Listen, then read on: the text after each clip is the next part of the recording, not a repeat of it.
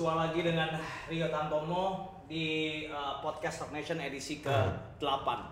Um, kita udah kedatangan uh, ini satu bukan satu ya seorang seorang prepet prepet prentet dari um, sebuah wilayah yang sebenarnya wilayah ini antagonis nih sebenarnya Jakarta Selatan ini ada noise from under alias Abim apa kabar Bim Baik, baik. Hmm? Baik. gimana Jakarta hari ini Bim Gak tahu gue gak Hah? keluar keluar aja. masa sih Iya. selama pandemi nggak pernah keluar ya Enggak. masa lu taat pro, taat prokes dong Taat. masa sih nggak yakin gue orang-orang kayak lo gini Taat. orang-orang yang punya lagu-lagu sinis-sinis kata-katain Jakarta gini lah nggak bakal prokes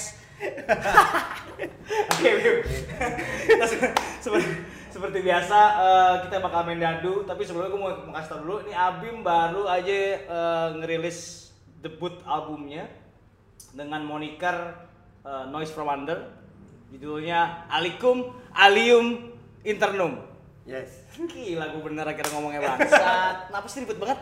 Tapi ntar kita akan uh, asli itu yang sekarang. Oke, Oke. kita bakal main dadu seperti biasa dan menjudikan nasibnya Abim di uh, 6 kategori uh, sialan ini. Silakan. Dua. Wah, Perlu dibuktiin gak? Hah? Perlu dibuktiin gak? Jaksel is a dying whore. ah, dengar kata Jaksel ya. Ah. Tadi udah udah udah gua em, kasih snippet dikit mengenai Jaksel. Ini antagonis ya. Apa sih rasa jadi orang Jaksel yang banyak orang kayak ih norak nih orang nih, ya kan? Dari Jaksel ngomongnya eh, Inggris Indonesia privilege. Bahkan lo sendiri bahkan lo sendiri pernah punya single judulnya eh, Fuck Your Jaksel Lifestyle. Eh, apa sih sebenarnya eh, rasa jadi orang Jaksel dan kenapa lo begitu eh, seperti otokritik terhadap eh, wilayah dan demografi Jakarta Selatan Bim? Hmm, apa ya kayak ya itu identitas yang nggak bisa gue deny aja emang emang gitu aja eh ya kalau apa ada yang bilang Nora ya ya udah gue juga ngeliat orang lain Nora kan. Tapi cuma tapi ini ini loh kayak apa yang lucunya ya kayak gue kan nggak nggak yang not necessarily uh, millennials yang sesuai definisi millennials gitu loh. Anjing, yang kayak seumuran eh, apa gue gue tuh masih ada di lumayan tengah-tengah gitu loh kayak angkatan gue 2009 kayak nah gue masih tuh masih ketemu angkatan-angkatan yang kayak ya millennials yang hidupnya masih eh, nongkrong tuh ya nongkrong gitu loh. Nggak Maksudnya? bener-bener internet oh banget. oke oke. Eh, bukan nah, bukan di eh, layar eh, hitam itu ya? Hmm. nah dari yang gue alamin di situ tuh kayak makanya lucunya terus kayak pas internet ini ya udah mulai lebih kayak eh, udah sosmed udah lebih umum gitu-gitu kayak apa si ngomong bahasa Inggris ini itu tuh sebenarnya nggak gua nggak gua alamin gitu loh Oke. kayak si kayak si Oza tuh Heeh. Oza Oza tau kan? Rangkuti. Oza Rangkuti si Iya. drummer Piston Iya. ya itu kayak ya jakselan gua tuh malah lebih kayak gitu gitu loh kayak kayak bukan maksudnya bukan lawakannya dia itu ya cuma kayak Ini Jaksel anak Texas kali 46. Iya. Kalau Iya, Jaksel tapi anak iya. Aliza nggak kayak gitu kali. ya anak Iya kan? ya zaman dulu tuh apa ya kayak nasi lucunya kayak gue ngeliat eh, apa ngomong bahasa Inggris tuh sebenarnya gara-gara anak-anak internasional gitu loh atau anak-anak ya mungkin sekolah yang lebih elit terus toto ya mereka sama internet lebih familiar gitu kayak gue pun nggak bisa ngomong bahasa Inggris dengan sebagus mereka gitu Are you sure? ya Iya. Iya, ya emang bukan bahasa Inggris ya. Ya sure. gue gue ngomong dute nggak bisa. Enggak maksudnya kenapa akhirnya lo eh, mengeluarkan single eh, Fuck Your Jaksel Lifestyle gitu. Apa yang lo rasakan ketika lo bergaul dengan teman-teman lo di eh, Jakarta Selatan? Apakah itu seperti lo self pitying atau lo ada ada beberapa oknum yang memang lo tunjuk gitu? Lo tuding Eh, gitu. Atau secara Apa itu? demografi aja itu komentar di sekitar kan kayak kayak gue mention mention apa Amer kan so, Hmm. waktu itu kan kayak di waktu itu 2017 gitu kan kayak kok kok tak tahu itu tuh jadi apa ya kayak Amer tuh jadi kayak di di tokenized gitu loh gara-gara mondo tau gak lo iya mungkin kan mungkin banget kan Iya nggak? kayak Itu kan- kayak lifestyle tuh apa ya itu kayak- kan era-era di zaman Amer anggur merah orang tua itu harganya cuma empat puluh ribu, empat ribu. Iya. Begitu ada Mondo, Iya. ya kan? Maksudnya kita senang lah Mondo eh, memberi kita banyak gigs setiap minggu yang keren. Iya, iya. Tapi lu beli Amer harga seratus ribu dan satu tower tiga ribu gitu kan ya. Eh. Dan akhirnya anak-anak eh, anak-anak privilege gitu yang biasa minum Jameson dengan harga Iya. 1,5 Iya, gitu iya. lu bisa beli Amer kita kayak anjing. Iya. Tahu nggak apa yang gue lakuin? Gue nyelundupin Amer dari luar tau nggak? Iya, iya. Nah kayak apa? Cuma cuman kayak apa ya? Itu fenomena yang yang gue lihat ya. Oh, oh ini terus jadi kayak Amer tuh jadi kayak semacam identitas apa ya? Kata apa ya? Kayak anak gaul sekarang tuh kayak statementnya tuh gitu kayak Iya, iya. so- kayak apa ya? So miskin gitu loh gitu. Padahal enggak. Oke oke terus. Itu sih kayak ya udah itu itu cuma bener-bener ya salah salah satu fenomena yang kayak banyak yang gue tangkep yang gue tuangin di di lagu itu kayak bener-bener sebenarnya lagu itu selebrasi aja karena apa ya Ba- bahkan kayak term fuck your Jax- jaksel lifestyle tuh nggak dari gue kayak ada artikel yang nulis kayak apa nggak tahu kayak dia tahu-tahu nyinyirin hip hop jaksel gitu. Terus kayak Kenapa yang terus kayak terus kayak terus pokoknya artikel ini bilang kayak gue baru percaya Indonesia ini negara yang apa egaliter kalau apa ada lagu-lagu tentang Margonda gitu loh kayak fuck your jaksel lifestyle gitu kan kayak. Terus kayak gue ngerasain lah itu tuh Nayaka sampai disebut gitu gitu kayak. Hmm. Oh ini lagu hip hop yang ngedis dropping name gitu ya? kayak ini kan not even ya itu lagu aja lagu yang keluar dari dari dari Jaksel kayak gitu aja terus kayak apa kayak ya kalau lu pengen ada lagu dari ya Margonda atau mana gitu kayak ya minta anak Margonda ya jangan nyalahin anak Jaksel gitu loh kayak gue gue baru rasa gitu dong kan Iya.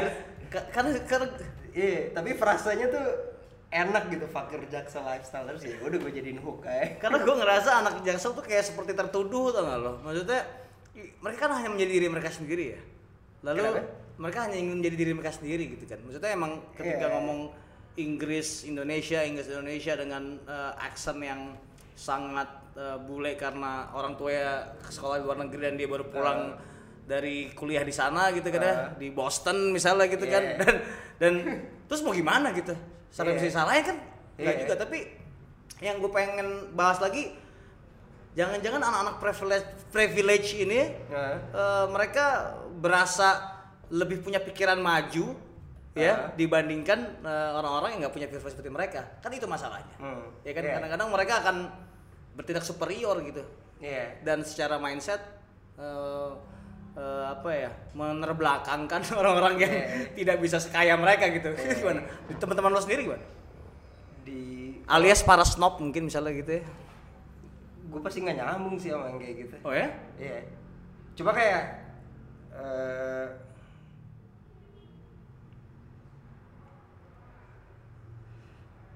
di tiap tongkrongan pasti ada sih yang kayak gitu. Kayak orang yang ya soal aja gitu. Jadi gue nyampur bahasa Inggris nih. ya oke go on go on. Iya pak pasti ya pasti ada aja nggak sih? Dan kayak ya emang orang kan kompleks ya. Pasti kan kayak ada ada hal yang dia lebih tahu tapi ada hal yang dia lebih nggak tahu juga kan. Kayak pasti ada dan, dan kayak ada kecenderungan ya mungkin kayak self defense dia kali kayak gitu gitu loh. Kayak cuma ya kayak kalau kalau nggak betah ya nggak usah stay juga nggak sih? Kayak mau orang kayak gitu. Ya berarti kalau bisa lo bikin lagu fuck your jaksel lifestyle orang-orang Margonda rapper-rapper Priok rapper-rapper dari Matraman gitu kan Hmm. mas terwakili oleh lo juga kali ya. Maksudnya kayak akhirnya ada ada jaksel yang eh, mewakili gue untuk bisa saying fuck gitu to lu their territory gitu. Ya bisa aja saya fuck you ke siapa aja gitu. tapi lo emang demen ngata-ngatain orang ya kalau gue lihat ya? Nggak tahu kayak mungkin bakat kali ya Anjing. Jadi bawa gitu. bawaannya gitu gue Eh, Iya, iya, iya. Maksudnya em, emang lo tukang ngatain orang sama ngebully beda dong? Atau sama menurut lo? Atau lo dulu tukang ngebully ya? kayak kayak kayak at some point gue bully juga deh. mungkin ya nggak tahu kan itu kayak Tapi nggak apa-apa sih. itu pertanyaan yang harusnya nggak ke gue tapi ke lawan eh, ini gue lawan Tapi lo merasa merasa gue. merasa ketika lo menulis lagu gitu ya? Eh. Oke lo langsung kita persempit aja ke si lagu Jaksel Fuck Your Jaksel Lifestyle ini ya. Maksudnya kayak em, ketika lo menulis itu bait per bait lalu frase dan diksi-diksinya gitu yang ada di eh, jiwa lo dan hati lo ketika yang lo tumpahkan tuh sebenarnya apa sih Bim? bikin lagu enak aja Oke. kayak dengan materi yang ada di, di sekitar gue kayak itu lumayan snob sih sebenarnya sebenarnya mindset gue kayak bilang apa lu bilang gue ngata-ngatain kayak ya gue gue mencoba sok lebih pinter daripada orang-orang sekitar gue yang gue lihat aja kayak Iya. lo ngapain sih gitu Iya. ya tapi gue tai juga gitu loh kayak Iya maksudnya kayak kayak lo bilang ada nih gue coba mengingat eh, beberapa hmm, lirik yang lo tulis itu kayak eh, tiap hari nonton gigs ngapain sih? Ya ini, ini ya itu. Terus em, ngeluh macet pada lo sendiri bawa mobil. Gitu. Ya gitu kan? Iya. ya ya itu kan sebenarnya sebuah em, apa ya hal yang teman-teman gue di Jaksel juga melakukan itu dan melak- mengeluhi apa yang telah mereka eh, lakukan juga. Iya. mereka adalah penyebabnya Iya. dan mereka mengeluhi keadaannya gitu kan? Iya. Iya. Maka itu mirip sama Pak Paguyuban Swag kan. Hmm? Sebenarnya Jaksel tuh mirip sama Paguyuban Swag. sebenarnya Ah. ya kan Pagi Uban Swag itu adalah eh, lagu di album terbarunya Abim ya Hmm. Noi- Noise from Under. Nah, kalau paguyuban swag sendiri, swag ini kan swagger. Hmm. Ya kan? Ada kalau gue inget kata sampai diplesetin sama crowbar swag Tony Rojim. ya kan? Ya kan? Lo lo pengen ngomong apa sih di paguyuban swag sama aja gitu ya? Ya kurang lebih sama cuma mungkin dengan lingkup yang lebih luas jadi judgmentalnya lebih tai juga. Apa yang lo judge? Kayak apa sih itu istilahnya? Lo meng Justifikasi. Enggak eh, istilahnya. Gue mencoba stereotyping Oke, orang-orang, menggeneralisir. eh, berdasarkan kayak ya kalau lo lihat itu kan kayak kenapa gue bagi teritorin kayak ada teritori kayak ada Sudirman ada Kuningan Oh iya benar. Oh iya gue ingat gitu. sekali liriknya. Iya. sebenarnya kan itu eh, middle class yang rada ke atas gitu kayak kayak apa kayak ya gue mencoba stereotyping itu Ke- kayak dengan dengan tai gitu loh kalau gue nyebut kata kelas menengah ngehe yang ada di kepala apa kelas menengah ngehe itu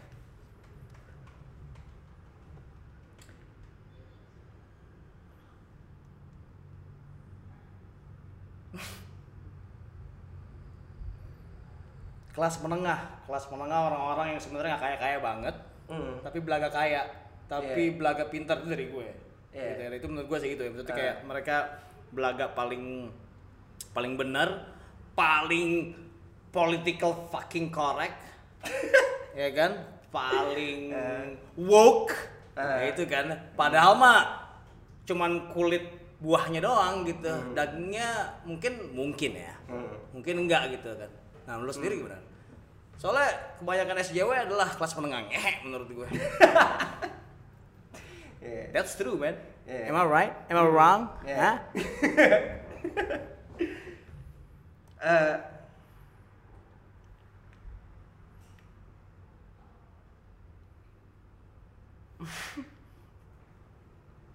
apa ya lebih ke lo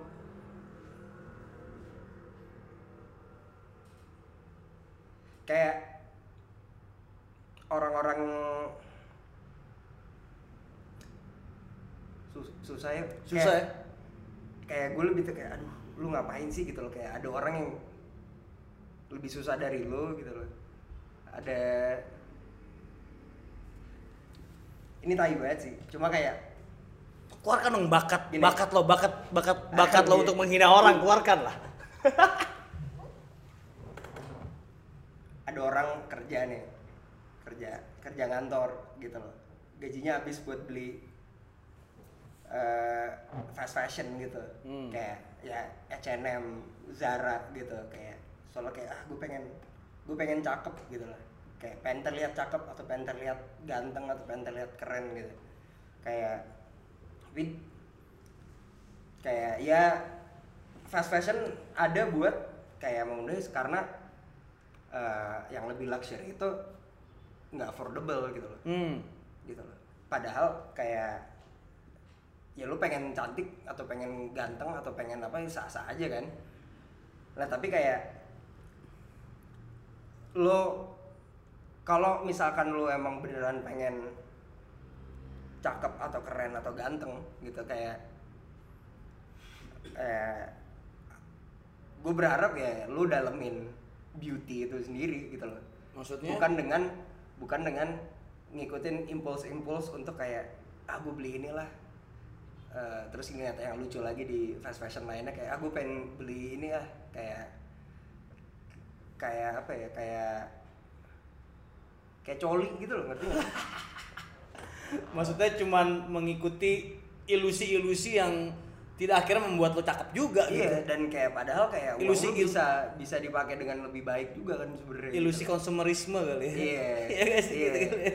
iya kayak eh, mungkin itu sih Oke. sifat yang kayak ya itu bisa di lu gantingan variabel-variabel lain cuma kayak aduh ya walaupun tapi ya susah juga sih. Gua nggak gua nggak tahu eh, penderitaan orang-orang juga kan. Bisa aja kayak dia punya demand yang setinggi itu untuk terlihat cakep kali atau gimana. Cuma kayak ya buat gue tai aja.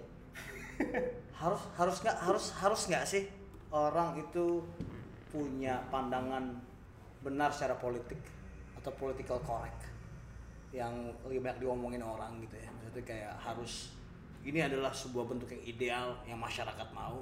Dan ini adalah eh, ke- eh, pandangan pribadi kita. Dan ini adalah yang salah gitu kan ya. Jadi apakah orang harus eh, misalnya eh, tidak boleh body shaming gitu misalnya gitu kan padahal kalau dulu orang ngatain gendut gendut lu Hmm. misalnya gitu kan. Dan orang Iya. itu emang gendut dan mereka ketawa ketawa tapi nggak- ntar sekarang eh, akan bilang kayak ih lu body shaming deh lu bla bla bla bla itu kan atau enggak misalnya political correct eh gue nggak mau gue nggak mau ikut pemilu gitu. Kenapa emang?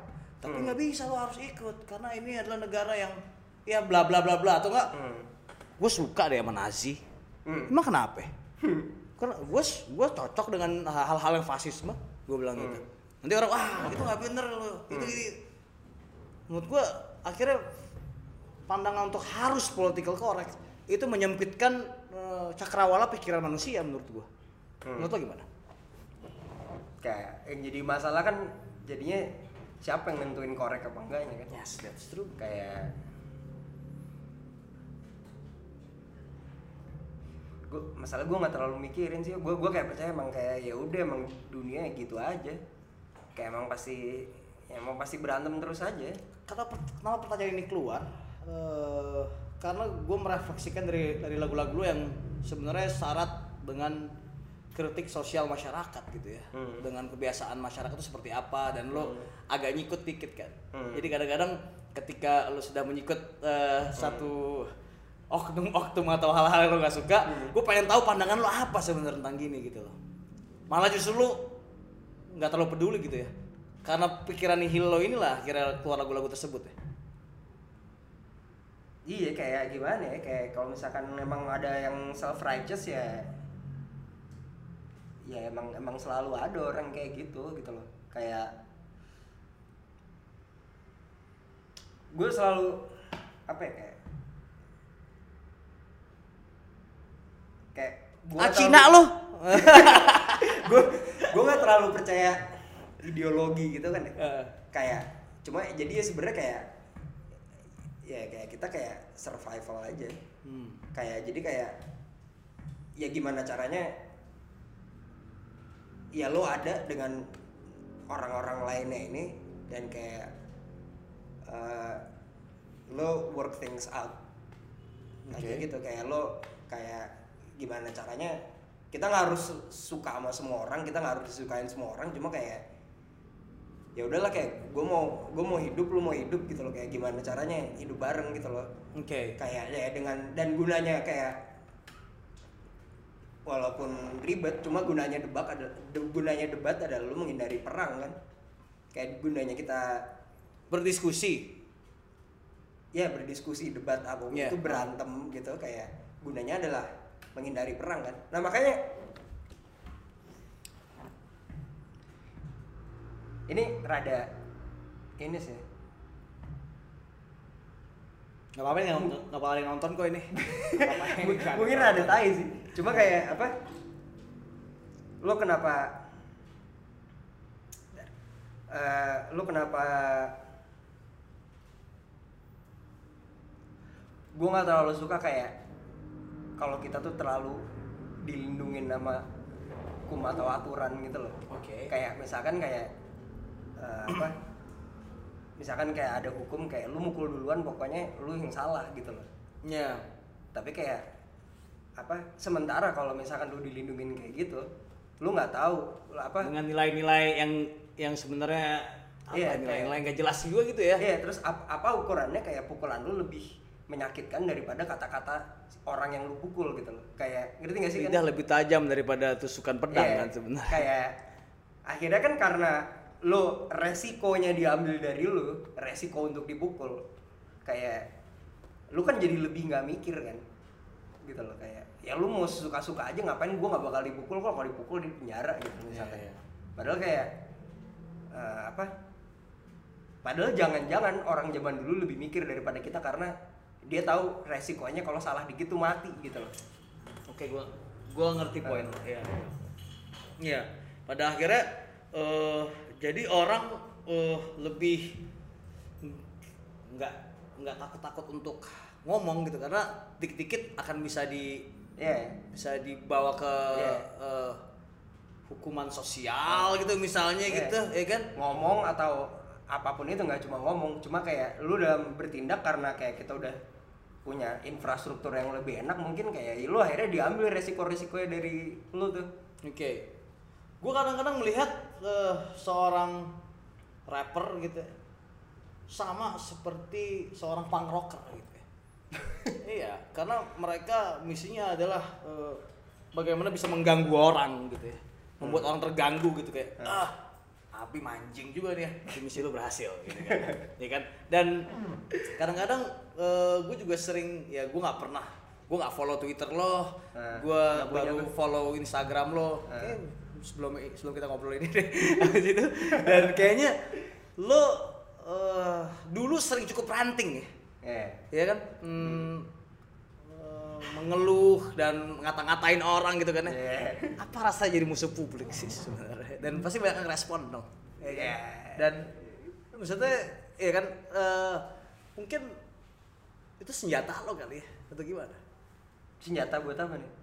Ya lidah lo adalah senjata lo sebagai individu kan untuk mengeluarkan pendapat lo dan segala Iya. macam gitu kan.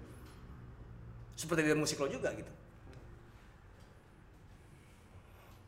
Gue apa ya kayak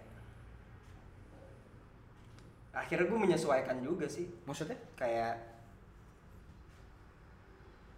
misalkan gue ngerent gitu kayak gue ngerent for the sake of ngerent apa kayak emang ada yang pengen gue misalnya? Bikin kejadian gitu. Misalnya? Oke sekarang ada nggak sesuatu kayak yang gue pernah ngerent soal kayak ah Thailand nih festival kayak gini Oh, kayak festival musik, oke. ya kayak ya ganti band ya udah kayak berasanya sama aja cuma ganti orang sama ganti lagu gitu loh. Kayak ya ini sangat mengeneralisir ya cuma kayak kayak gitu. Terus kayak gua gua nggak puas dengan itu kayak gua ngerent kayak ya friksi friksi gitu.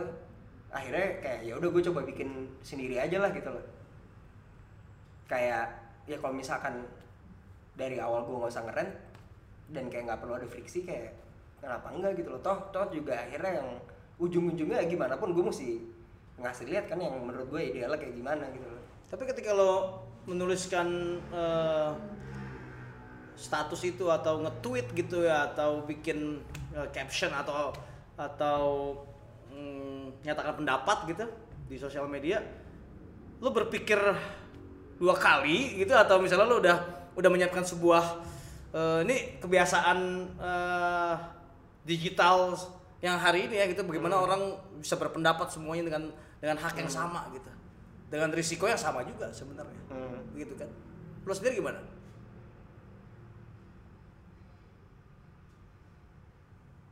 Masih cukup sering rem hari ini Enggak. Udah Karena nggak? karena Kenapa? sadar kayak nggak apa-apa gue juga jadi lebih itu sih kayak ya itu gue Udah gue semakin dewasa. ngerem. Iya mungkin anjing karena karena karena, karena kayak gue sadar ya orang-orang mungkin punya sentimennya sendiri punya pikirannya sendiri gitu loh. atau sebenarnya nggak ada gunanya toh nggak ada yang berubah juga gitu exactly kayak ngapain juga gitu kan cuma kalau misalkan ternyata apa itu guna buat marketing gitu loh kayak dan kayak mau mau ngambil cara itu ya menurut gue ya sah-sah juga aja. Oke. Apa yang paling menyenangkan dari jadi anak jaksel sih? Akses sih kayak sebenarnya. Kayak menurut gue nah ini dia kayak menurut gue ada alasannya. Sama Jaksel kan kayak ke develop dari eh, ke develop untuk jadi kayak pintu pop culture gitu kan buat ke Indo kan gitu loh. walaupun internet udah akses udah kebuka cuma kayak tetap gue ngeliatnya ya kayak apa beda tuh kayak justru karena kayak dibuka semakin luas kayak cuma somehow Jaksel kan end up di di apa ya di di yang dapat duluan lah gitu loh. Hmm karena eh, warganya kali ya Karena- masyarakatnya mungkin juga ada di kalangan yang tahu tuh soalnya dari zaman bonyok gue kayaknya emang udah gitu kebentuk kayak somehow gitu loh. Walaupun dulu mungkin di di selatan belum ada tempat-tempat kayak sekarang ya belum seramai sekarang Hmm, gitu. cuma tetap aja kayak eh, dari sekolah-sekolah sekolah tuh ngaruh banget gak sih? Menurut tuh ngaruh banget, banget kan? banget, kayak iya. ya lu discover musik pertama dari iya. mana gitu-gitu. Oh, iya itu jelas sih. Kayak ya nah dari situ tuh ya akhirnya lu sekolah di mana sih? Gue SMA Gons SMP Alizar SD Aska Lu udah swasta banget. Satu semua. Iya. Ini privilege banget nih. Iya. ya gimana gue gak dapet? Gue gak tahu. Ya gue mampu mana lo Iya. oke terus terus terus. Iya, tapi ini secara general ya, ya Hmm. akhirnya kayak secara general dari demografi kebentuk kayak gitu, hmm, ya ya udah. Kayak ya mungkin karena latar belakang ekonomi juga kayak banyak yang akhirnya banyak rumah-rumah orang kaya akhirnya mau nyariin sekolah anak yang deket gitu kan. Kayak mereka dapat akses duluan ya akhirnya kebentuk aja sampai sekarang jadi kayak budaya gitu loh kayak kayak apa kayak nyampe nyampean itu tuh jadi kayak suatu banding bandingan selera gitu ya. Iya banding bandingan selera kayak apa kayak oh, oh lu dengerinnya itu gitu loh kayak. Lu dengerin apa lu lu- dengerin? lu dengerin aduh cuman eh, The Adams doang. Gue Iya. dengerinnya eksperimental. Iya. lu nggak lu nggak dengerin NTS radio? Aduh.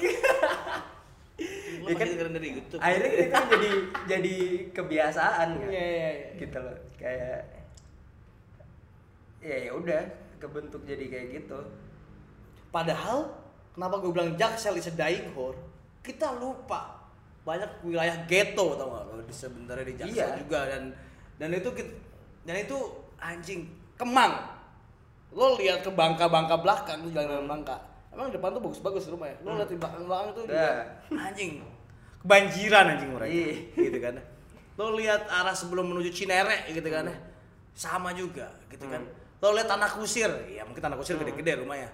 Ya kan? Iya. Tapi kalau jalan veteran dulu belok kiri dikit gitu, itu udah udah kumuh Iya. gitu kan dan itu ya menjadi menjadi satu demografi wilayah Jaksel juga yang kadang orang lupa juga gitu kan di situ atau Naim deh Haji Ah, Naim gitu itu iya. masih banyak orang-orang Betawi yang bertahan dan nilai ekonomi mereka kurang gitu misalnya Iya. banyak warung-warung segala macam Iya. gitu kan nggak semuanya orang Jaksel bisa dipukul rata menurut Iya. gua ya kan Iya. ada juga orang-orang yang makanya sebenarnya ya bukan soal geografis gitu cuma kayak ya soal culturalnya itu Tapi apa sih sebenarnya stereotip dari anak Jaksel itu sendiri? ini sih ya mungkin kalau misalkan lu ngeliat New York ada juga pasti daerah gitu mungkin Brooklyn kali sekarang Hmm? jadi kayak tempat gaul gitu kalau dulu juga ghetto kayak apa ya ya ini stereotip yang ada di mana-mana di kota gede gitu sih kayak ya yang dapat akses duluan itu. Yang Atau- nah yang sebenarnya kayak eh, apa? Sebenarnya tiap daerah harusnya punya kayak gitu. Nah, kalau gue gua gua talikan ke musik gitu ya. Yang paling menarik dari eh, terpisahnya Jakarta jadi lima bagian eh, wilayah ini jangan-jangan punya sound yang karakter karakter Iya. sound yang sangat identik gitu. Iya. Ya kan? Taruhlah hip hop gitu ya atau punk rock aja deh gitu Hmm. atau show apa pun itu ya. Ketika dia datang datang dari utara, mungkin akan terasa bau pelabuhan gitu ya dan, Iya. dan mungkin ya ini ya Iya. atau misalnya ketika dari barat gitu kan mungkin akan akan kerasa bahwa agak tanggerang dikit gitu misalnya gitu ya rasanya gitu ya ya kan ini kan menarik gitu ya dari dari, dari wilayah-wilayah di sebuah kota gitu Iya. ya kalau lo bisa eh, menjelaskan seperti apa sound dari Jakarta Selatan secara musik ya daripada lo ng- ngomongin orang lain mending ngomongin diri lo sendiri gitu ya seperti apa sound yang ingin lo kasihkan untuk mempresentasikan eh, siapa diri lo dan identitas lo sebagai musisi yang berasal susah dari sih Jakarta soalnya Selatan. susahnya gini kayak kan ada kayak intersection yang kayak diri lo pasti kayak apa me- kayak budaya lo pasti berpengaruh ke diri lo kan gitu loh. Kayak at some point sama kayak juga kayak eh, gimana lo dididik gitu. Mungkin itu lingkup yang lebih kecil lagi di keluarga atau kayak nah gue gue nggak tahu tuh gimana ngetrace ya kayak Kalau lo sendiri deh, apa yang ingin lo eh, sebagai karakter sound di album terbaru ini ya? hmm, eh, lo ingin memperlihatkan mm, musik lo ini eh, seperti apa gitu? Mungkin kita nggak bisa bicara jaksel ya, tapi diri lo mungkin karena lo berasal dari eh, wilayah tersebut hmm. bisa menjadi em, satu petunjuk bagaimana anak jaksel membuat musik kali ya. Nah, kalau misalnya dari musik lo, kalau dari musik gue ya mungkin di lirik lirik oke. di cara ngomong itu kayak paling ini kayak paling paling berpengaruhnya di situ Cara ngomong, Ah. lirik ya. Heeh. kayak Beri gue contoh sebuah frase yang ada di lirik lo, para frase ya. gak tau even even dari kayak si apa eh, cewek gue bilang tuh kayak gue tuh ada tuh kayak cara cara nyanyinya atau cara nge tuh kayak ada cekok-cekok jaksel ya gitu yang kayak nggak bisa dijelasin gue juga kayak ya udah otomatis keluar Oke. sendiri gitu loh Coba gua eh, elaborasikan ya. Ketika gua mendengarkan eh, noise from under Ah. eh, merepet gitu ya. Itu berbeda flow-nya, cadence-nya Ah. dengan bahkan rap-rapper dari Jakarta Selatan yang lain. Menurut Ah. gua lu tidak eh, seperti kebanyakan rapper yang penuh dalam dalam mengisi satu eh, eh, rima gitu ya Hmm. Ada ada ada ada bolong-bolongnya gitu. Hmm. lo lebih ke alternatif rock dan bernyanyi dibandingkan hip hop gitu. Eh. iya nggak sih? Iya. apa itu bagaimana karakter itu terbentuk sih Bim? Apakah karena eh, dari eh, pengaruh-pengaruh musisi yang lo dengarkan atau memang eh, lo sengaja? Karena memang lo eh, seperti itu eh, kemampuan lo. Kalau kalau misalkan dari kayak ya itu soal ketukan gue tadi kayak gue ada jeda-jeda. Itu itu kayak bener-bener full fully pertimbangan dari ya, otak gue sebagai produser atau arranger gitu kali ya. Itu eh, gaya selera yang lo ingin keluarkan apa? Gimana? Iya. Kayak itu kayak misalkan gue nggak mau kepenuhan itu kayak menurut gue emang lagunya perlu perlu apa nyanyian atau verse yang kayak gitu gitu loh, lebih enak. Gitu. Ber- jadi bener-bener enak apa enggak? Tapi kayak bener-bener kalau yang lu maksud kayak pengaruh dari eh, Jaksel itu bener-bener kayak di eh, apa? Otomatis nih kayak gue ngomong gini. Sama Kayak aja kayak anak aja. kayak anak Kalimalang lo nggak ada bedanya sama makanya kan. Oke, em, em, ada satu lagu ya di album pertama lo itu judulnya YOLO. Hmm. Itu adalah lagu yang paling berbeda dibandingkan 9 10 lagu di album Sembilan. 9 lagu yang lainnya. Di situ lo eh, pakai gitar bolong Eh, entah entah entah itu sebuah gitar bolong aku eh, organik atau berasal dari eh, sebuah software gue nggak tahu dan itu nggak penting menurut gue tapi yang paling penting lainnya adalah gayanya eh, di situ itu bukan hip hop menurut gue bisa nggak sih Iya. dibilang kalau misalnya dengan ada lagu itu ini bukan rekaman hip hop atau misalnya lo ingin menyeberang jembatan pembatas itu gitu bahwa nggak ada lagi genre duduk duduk duduk lebur misalnya gitu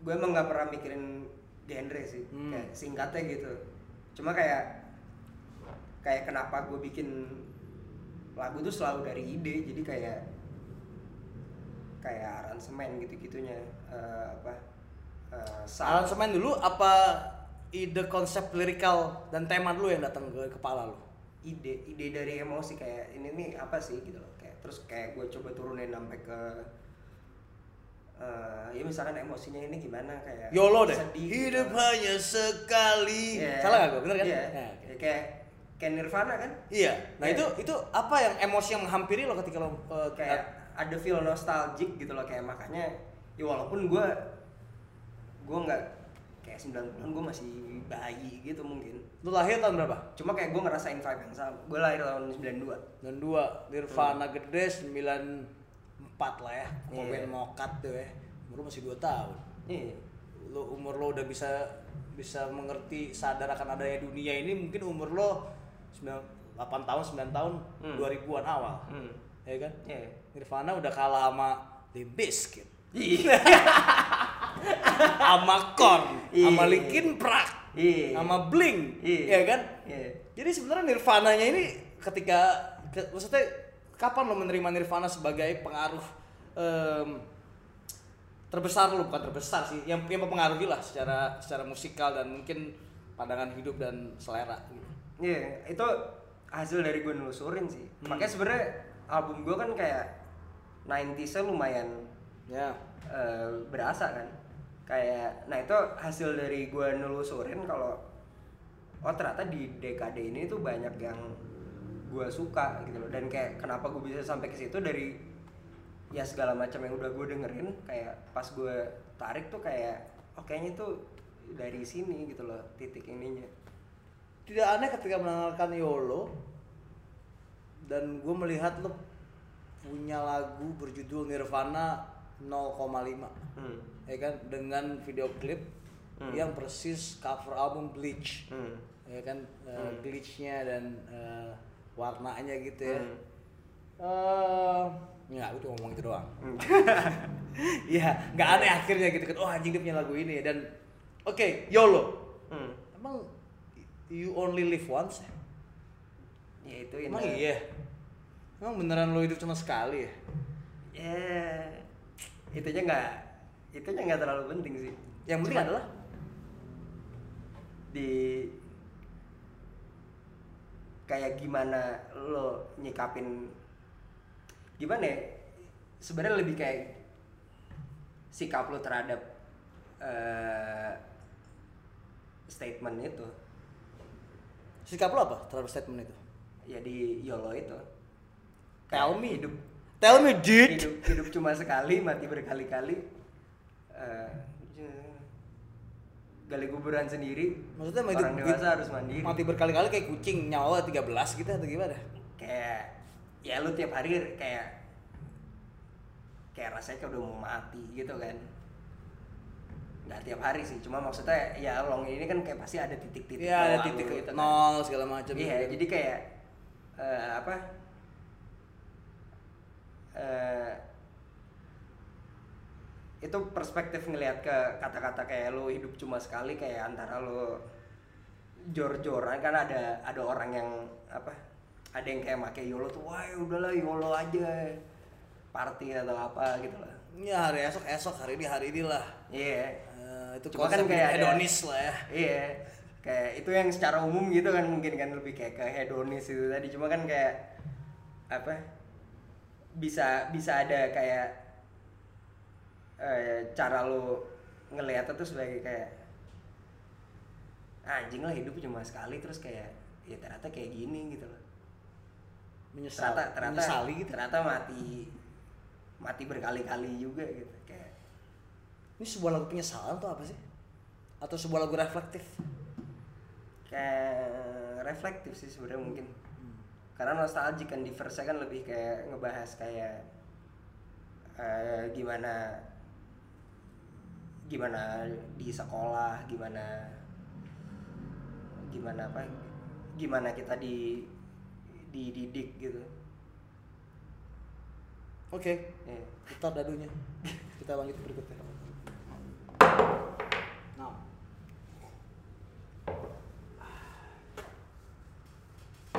Karena itu adalah oh ya. Piti Uomo. Anjing. Piti Uomo ini eh, lagu terakhir di album Alikum Alium Internum. Yoi. Nah, itu lagu, lagu kesukaan gue. Kenapa gue suka lagu ini? Karena em, mempresentasikan eh, kesedihan yang eh, cukup kontras dibandingkan eh, delapan lagu di depannya. Hmm. Ya kan dan sebagai penutup perfect. Hmm. Gitu kan dan Thank you. paling dalam secara karena yang lo katain bukan orang di luar, tapi lo lebih lebih ke dalam. Apa yang sebenarnya apa yang ingin lo kasihani dari diri lo sih? Uomo itu adalah eh, bahasa Itali eh, artinya Man. man. Artinya man dari bahasa Inggris ke Indonesia Eh, lelaki. Iya. Iya. Iya, kayak bukan ya? Iya. Iya. Oke. apa yang lo maksudnya ini lagu tentang apa sih? Lo mengasihin diri lo sebagai seorang lelaki atau ini adalah eh, evolusi yang eh, sedang lo persiapkan untuk album berikutnya? Biasanya kan gitu kan kalau terakhir tuh Hmm. akan di, akan di eh, lepaskan tuh ininya tuh talinya supaya Eh. orang nggak nggak hilang di album berikutnya gitu kan. Nggak tahu ini PT Womo tuh apa sih? Iya, du- dua-duanya sih sebenarnya. Jadi kayak eh lagunya tuh sebenarnya lebih tentang tentang kayak eh kayak mungkin titik gue sadar kayak gue nggak seperti yang gue kira gitu dengan segala macam flow-nya gue dan kayak kelemahan kelemahannya eh dan apa? Dan somehow itu ngerubah eh, ngerubah gue juga dan akhirnya gue nggak bakal balik kayak yang dulu lagi gitu loh dengan kesadaran itu yang dulu lagi berarti itu adalah fase di mana sebelum album sebelum album ini eh, tertulis atau yang dulu lagi itu fase kapan sih yang lo rasain? hmm. gak tau ya soalnya kayak akumulatif aja gitu loh. Hmm. jadi nggak ada nggak ada ya mungkin ada satu titik kejadian-kejadian besar cuma nggak gue nggak tahu apakah itu langsung apa enggak cuma kayak kalau lu ngeliat ke belakang kayak oh ya lu udah apa?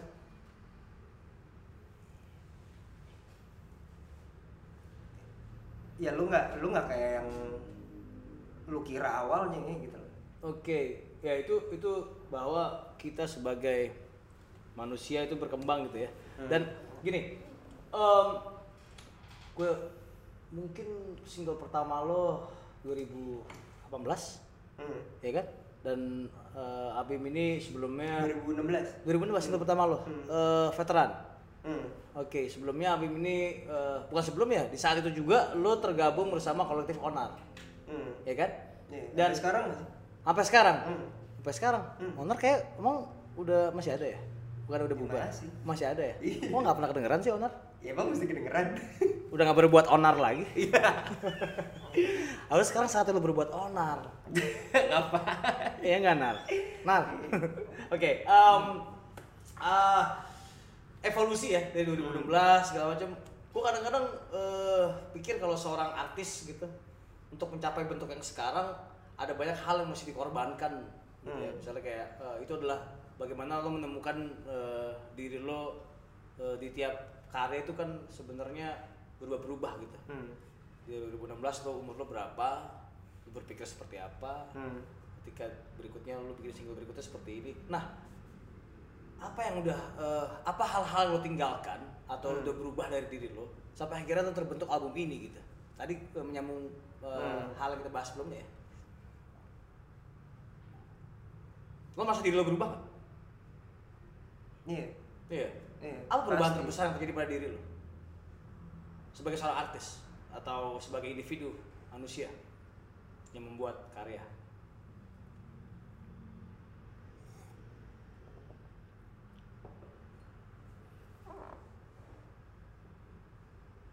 udah nggak beragama lagi mungkin Lebih enggak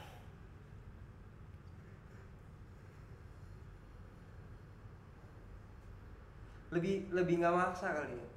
lebih nggak maksa Nah, dalam artian nggak tahu tapi iya. Susah nih soal pertanyaannya. anjing susah sih Susah aja. masa sih Iya. pertanyaan gampang tuh gimana ya? Eh influence lo apa gitu itu gampangnya. Oke. Oke. Enggak, enggak gua gini, maksudnya album ini lumayan ya piti piti womo soalnya. Iya. Jadi hal yang hal yang mendalam dan mendasar dan gua harus gua pengen tahu gitu eh, apa yang akhirnya lo sampai ada di titik eh, berani Iya. mengasihani diri lo dan padahal di depan lo berkoar-koar gitu. gue nggak tahu soal batasannya kayak mana yang mana yang tetap gue mana yang eh, mana yang jadi berubah gitu loh Hmm. cuma yang gue bener-bener nyadar kayak kayak misalkan gue ngeliat eh, apa eh, gue ngeliat satu kejadian gitu loh. Misalnya? Atau gua- misalkan gue ketemu lo kayak gue yang gue zaman SMA gitu loh. First impression gue terhadap lo sama first impression gue misalkan baru ketemu lo sekarang pasti beda gitu loh. Iya. kayak nah itu gue nggak tahu. Tapi tapi kayak oh anjir gue udah nggak eh gue udah nggak kayak gitu ya gitu. Dan kayak dan of course kayak itu bisa ada yang jadi lebih baik dan ada yang lebih apa ya hopefully selalu lebih baik kan. Cuma kayak maksudnya lebih baik buat elunya gitu loh. Kayak ada yang bikin lo eh, lebih kayak anjir kok gue dulu lebih seneng ya misalkan gitu. Hah. kok gue dulu lebih nyantai ya misalkan kayak gitu gitunya Iya kan? kayak nah gue fokus ke yang di konteks lagu ini ya kayak gue fokus ke yang negatif aja tuh Hope I will die before I get old. Kalau kata Roger Dartre gitu ya. Tapi Roger Dartre umurnya udah 70 tahun sekarang. gue nggak tahu dia siapa Vanessa Duhu. oh Ya kan lagu di my, di lagu My Generation ya. Hmm. Tapi oke lo fokus terhadap hal yang eh, negatif yang merongrong jiwa lo gitu ya. hmm. Oke. Pertama kali impresi tadi ngomong impresi juga, impresi gue ketemu lo pertama adalah di Gute. Hmm. Ketika lo tiba-tiba eh, nongol di panggungnya Walmasa Hmm. dan eh, di situ lo me- meneriakan bukan meneriakan se Pangeran Anarki Hmm. saat itu dan lalu ada lagu Rockstar Hmm. di mana lo berduet dengan hmm, Sun Mantra Hmm. atau Sun Mantra eh, dan lo di situ hmm, berbicara tentang hal itu juga Hmm. bahkan di lagu apa ya anak jaksel nggak bisa jadi seorang anarki Hmm. karena nggak ngerti konflik agraria. Hmm. ada ada frasa itu kan. Hmm. itu sebenarnya kan eh, fa- apa ya em, pemikiran yang saat itu ter, eh, lo rasakan lo tuangkan dalam lirik. Hari ini juga lo masih masa seperti itu. Merasa apa? Itu tadi apa yang lo tuliskan tadi. Apakah ada perkembangan? Misalnya di lirik-lirik lo di rockstar Hmm. di lirik-lirik lo di substansi veteran dan ketika lo sekarang menulis ini apakah eh, itu sebuah hmm, pembaruan pemikiran atau memang sama gitu ya kadang-kadang kan orang eh, banyak banyak banyak musisi nggak mau lagi bawain lagu-lagu lama karena udah nggak relate dengan Hmm. jiwa yang hari ini gitu. Hmm. Nah lu gimana? Eh,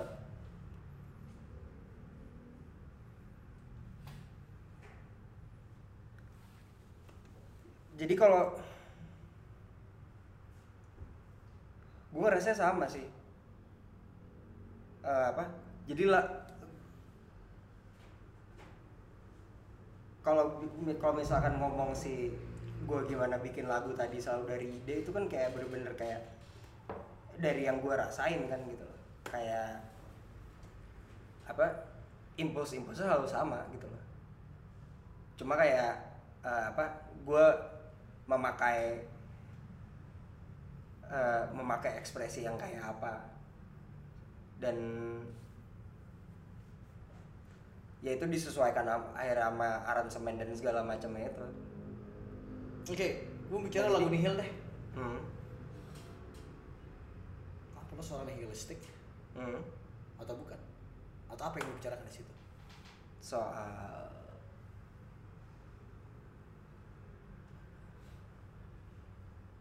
soal state gua aja Oke. Eh, Apa soal state? state kayak kondisi kayak anjing kayak sekitar gue ini kayak apa kayak musuh gitu Oke. Eh, Ya, gue gue bisa ngerti situ. Oke, terus Eh. ya itu itu perasaan yang sangat wajar sih menurut Hmm. gue. Ketika kita merasa diri kita sebagai outcast gitu kan. Hmm. Iya kan, kayak anjing. Gue nggak bisa menyamakan ritme dengan eh, kehidupan masyarakat di sekitar gitu kan. Iya. Dan akhirnya tai banget kan ngerasa spesial banget ya Hah? Pecundang atau spesial? atau seorang pecundang yang ngosok merasa spesial? ya itu dia Emang itu yang lo rasain? Iya nggak tahu kayak yang yang jelas kayak apa kayak gue nggak bisa gerak aja gitu loh. Hmm. Kenapa yang buat lo nggak bisa gerak? Maksud terlalu ditekan? Kayak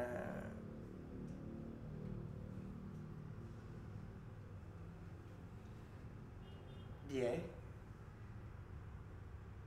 Kenapa lo susah Nggak, sekali untuk mengeluarkan sebuah kalimat dan dua kalimat dan tiga kalimat tentang lagu-lagu lo? Emang susah ya. Oh, susah ya? Iya. Gimana ya? Emang kayak apa? Eh,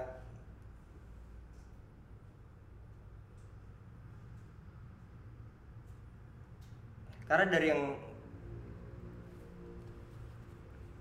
kayak lu naksir cewek lu bisa jelasin emang gitu kayak lu akhirnya cuma bisa kayak apa kayak nunjukin dengan bunga atau apa gitu ngerti gak sih Wah, sebuah Kayak- analogi yang baik tadi barusan. Iya kayak apa? Ya akhirnya ya mungkin mungkin yang yang gue tulis itu kayak cuma cuma 80% represent rasanya gitu loh. 20 persen ya? Nggak tahu. Kayak mungkin kan makanya. Gue jadi inget misalnya eh, ya kita bicara ini aja guys. Hmm. Gue jadi inget gue pernah wawancara Jason Ranti. Hmm.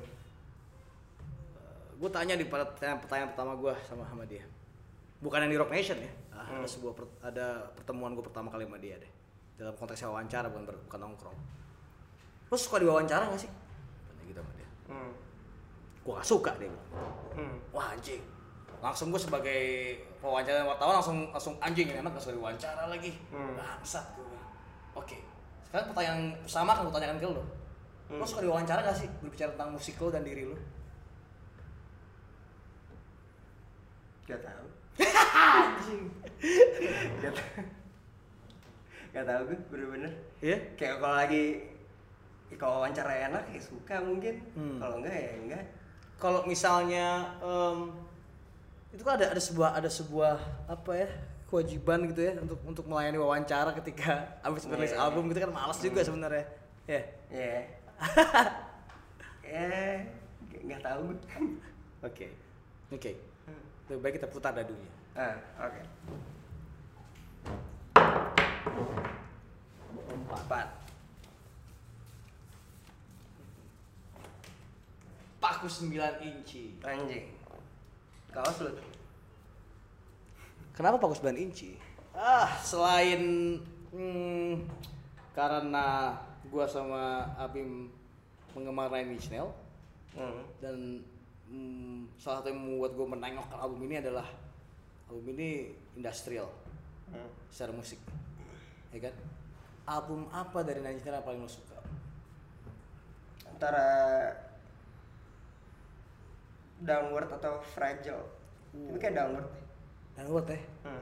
ya sih itu itu itu itu adalah album ke berapa tiga ya dua Iya. tiga yang kalau gue lebih suka broken Hmm. ya kan Sebelumnya. Nah, sebelumnya itu yang EP itu ya di download emang emang eh, apa ya secara sound lebih matang ada Robin Fink di situ Hmm. ya kan Oh, dia tuh baru di situ ya? eh, baru di situ Hmm. eh enggak di broken udah ada Hmm. Ah bukan tuh Richard Patrick apa Robin Fink ya tau lah gitu. Hmm. tapi intinya adalah seberapa jauh Nine Inch Nails akhirnya lo jadikan pengaruh di album ini dan lo kan eh, musik arrangementnya atau produser Hmm. adalah eh, Harsha Wahono dari eh, PVC 62 Hmm. ya kan bagaimana lo akhirnya mau mampu memberitahu keinginan lo kepada Wahono bagaimana album ini akan bisa terwujud gitu secara musikal gitu Hmm. Dari sound palette aja sih kayak gue gue kayak itu salah satu yang kayak gue pikirin dari awal gitu palette sendiri.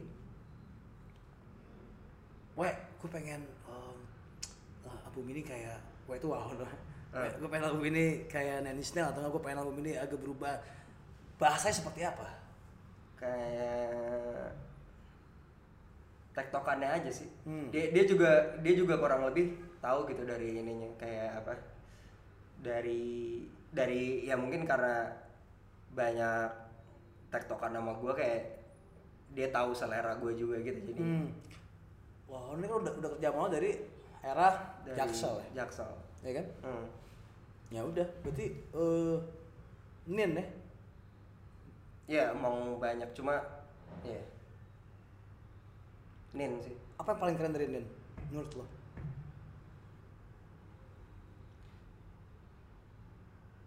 Dunianya kalau gue ngerasanya. Kayak gimana dia ngebentuk. Itu ini sih soalnya. Kayak setelah gue sadarin gimana gimana gue persif artis-artis gitu kayak yang gue suka tuh kayak gue persif dunianya itu dan kayak makin komprehensif dunianya kayak gue cenderung bakal makin suka gitu loh. Jadi gimana dia bisa bikin eh, apa yaitu sound palette itu sampai ke ke apa ke live show-nya.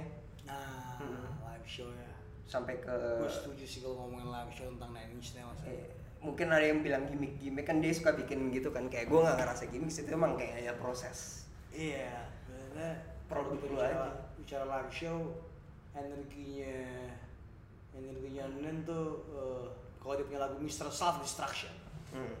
ya terus panggung ya apa yang dilakukan adalah ya, Self destruct. self destruct gitu kan dan dan kalau gue lihat mungkin lo bukan self destruct orangnya tapi kalau dari kalau kalian sempat nonton eh, noise atau belum nonton coba lo cek YouTube nya itu sekarang gaya lo eh, ketika live perform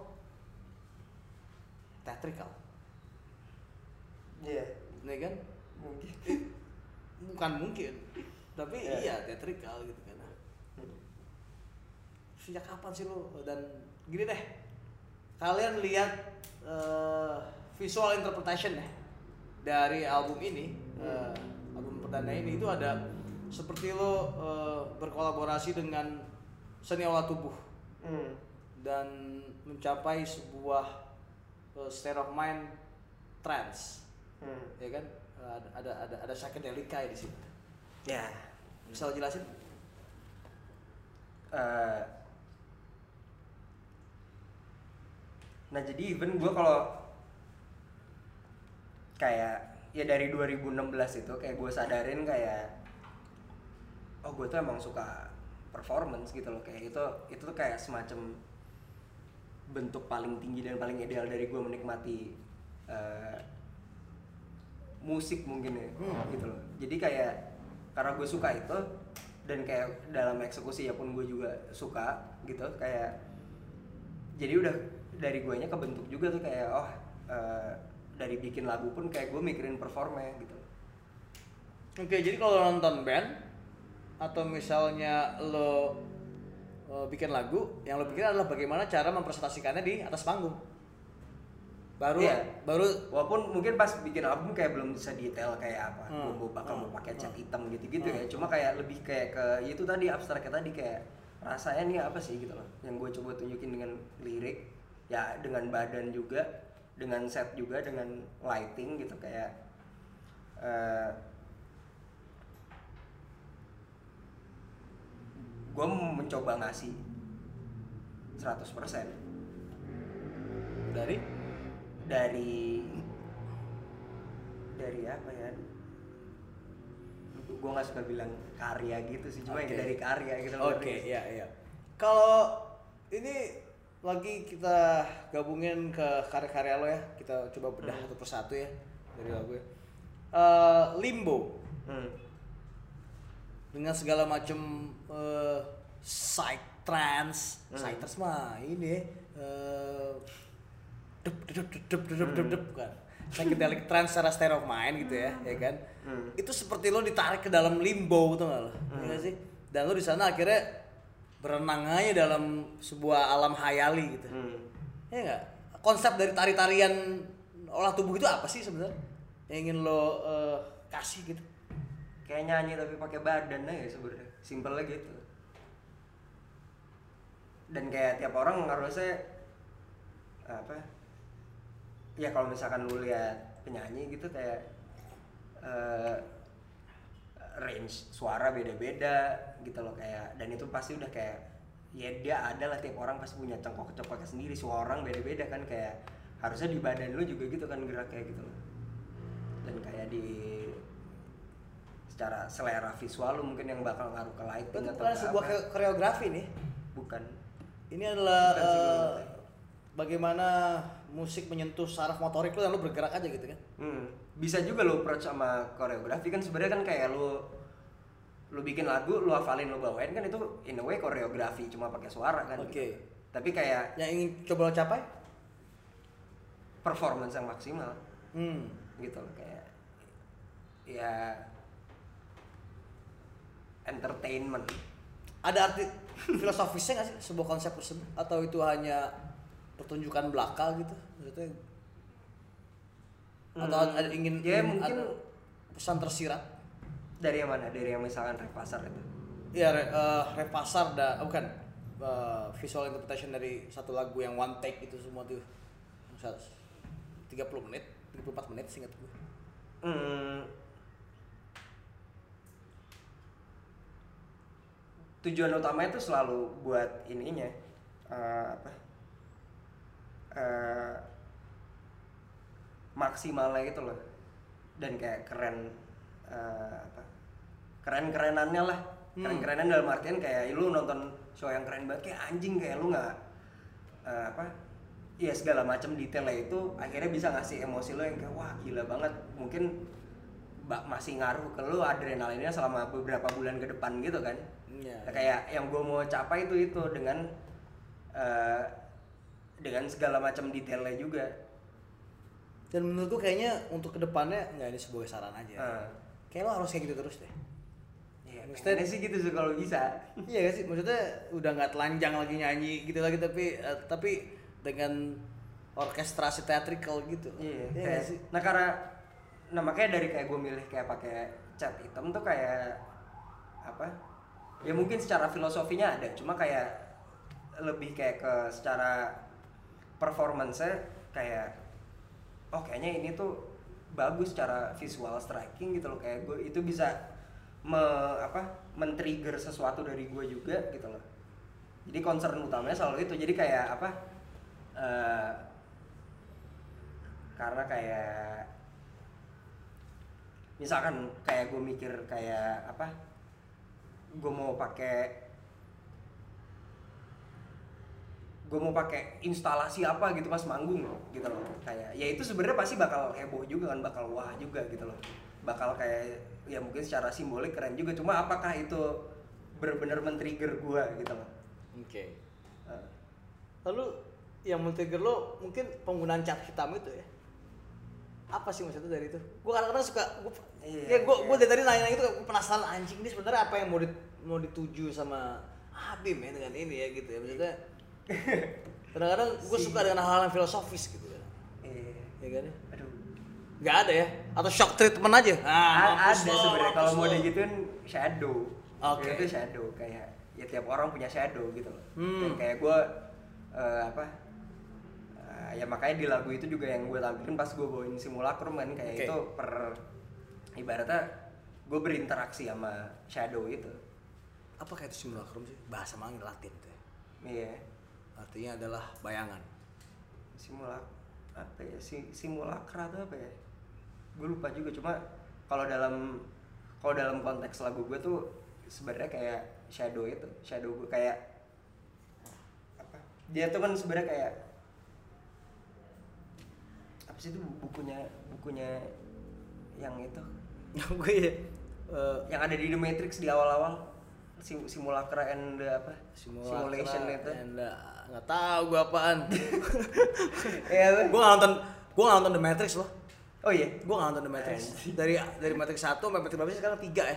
Nah, gue nggak empat, nonton. empat, empat ya? Empat. empat ya gue nggak nonton sama sekali Nah. anjir sama sekali.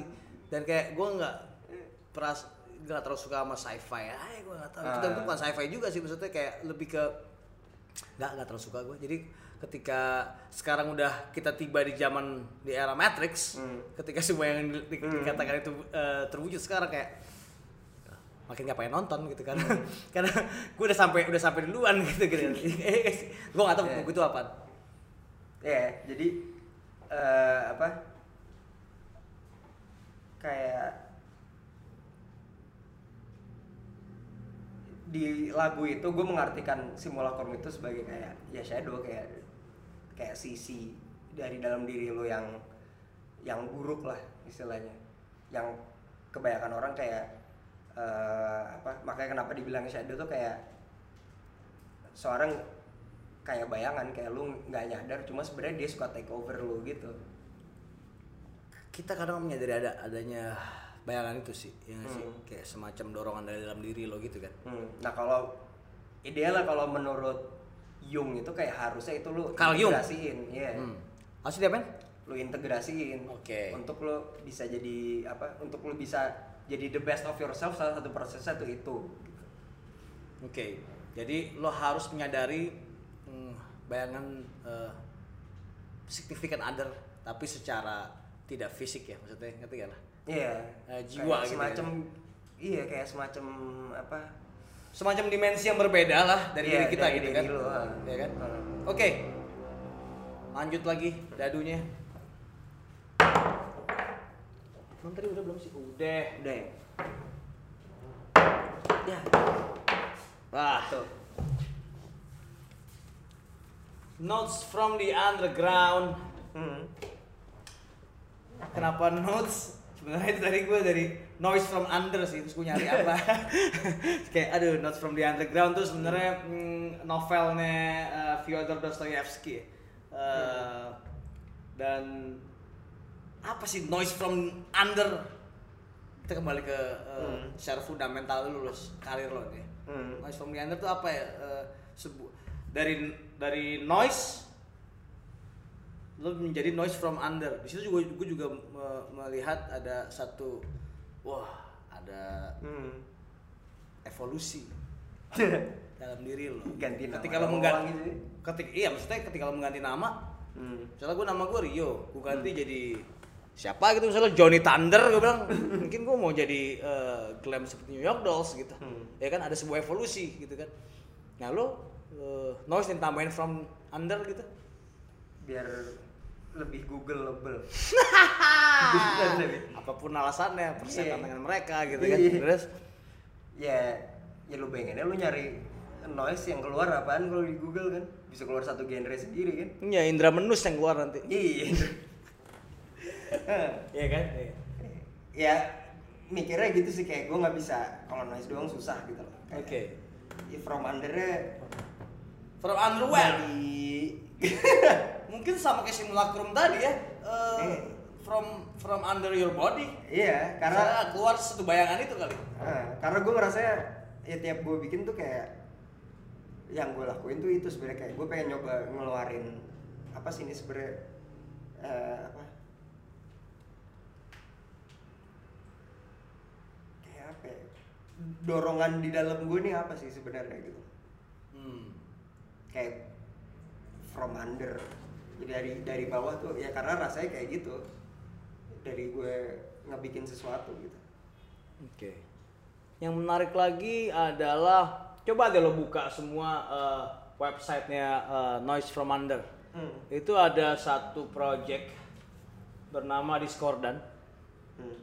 Em, di mana lo eh, mencoba mengumpulkan eh, melakukan submisi ya Hmm. eh, dari publik hmm, potongan-potongan sound yang akan lo jadikan satu komposisi. Hmm. Boleh jelasin nggak sih itu apaan sih dan akhirnya lo akan lo ubah menjadi bentuknya jadi NFT. Hmm. Jadi kan gue bikin channel Discord buat Nos Romander. Terus kayak apa? Pengen bikin sesuatu aja dari situ. Terus gue kepikiran project kayak divisi 62 tuh komposisi kompos itu ide yang seru juga kan kayak bisa melibatin orang gitu ya gue melibatkan si orang-orang di Discordnya itu kayak gue kasih judul terus kayak lo bisa interpretasi apa judul ini ke, ke dalam satu sound gitu terus kayak bisa lo kumpulin terus kayak nanti bakal gue jadiin lagu gitu cuma lagunya emang fokusnya bukan ke apa bukan ke struktur lagunya cuma emang kayak gue pengen explore sound design sama apa sama Sampling. iya komposisi akhirnya kayak karena sound desainnya itu kayak ini cocoknya gimana ya Banyak yang kirim-kirim aneh-aneh dong. banyak Apa aja gitu? Maksudnya gue gue gue ya gue yang gue paling gue suka dari eh, si komposisi kom, musik kompos apa komposisi komposisi di divisi 62 adalah anjing itu banyak aneh-aneh dan ada suara burung, ada suara Iya. apa. Hmm. Apa yang lo terima akhirnya ke dalam eh, apa meja pendaftaran lo dan datang datang datang sound-sound yang aneh-aneh dan akhirnya bikin jadi satu ini satu komposisi baru bentuk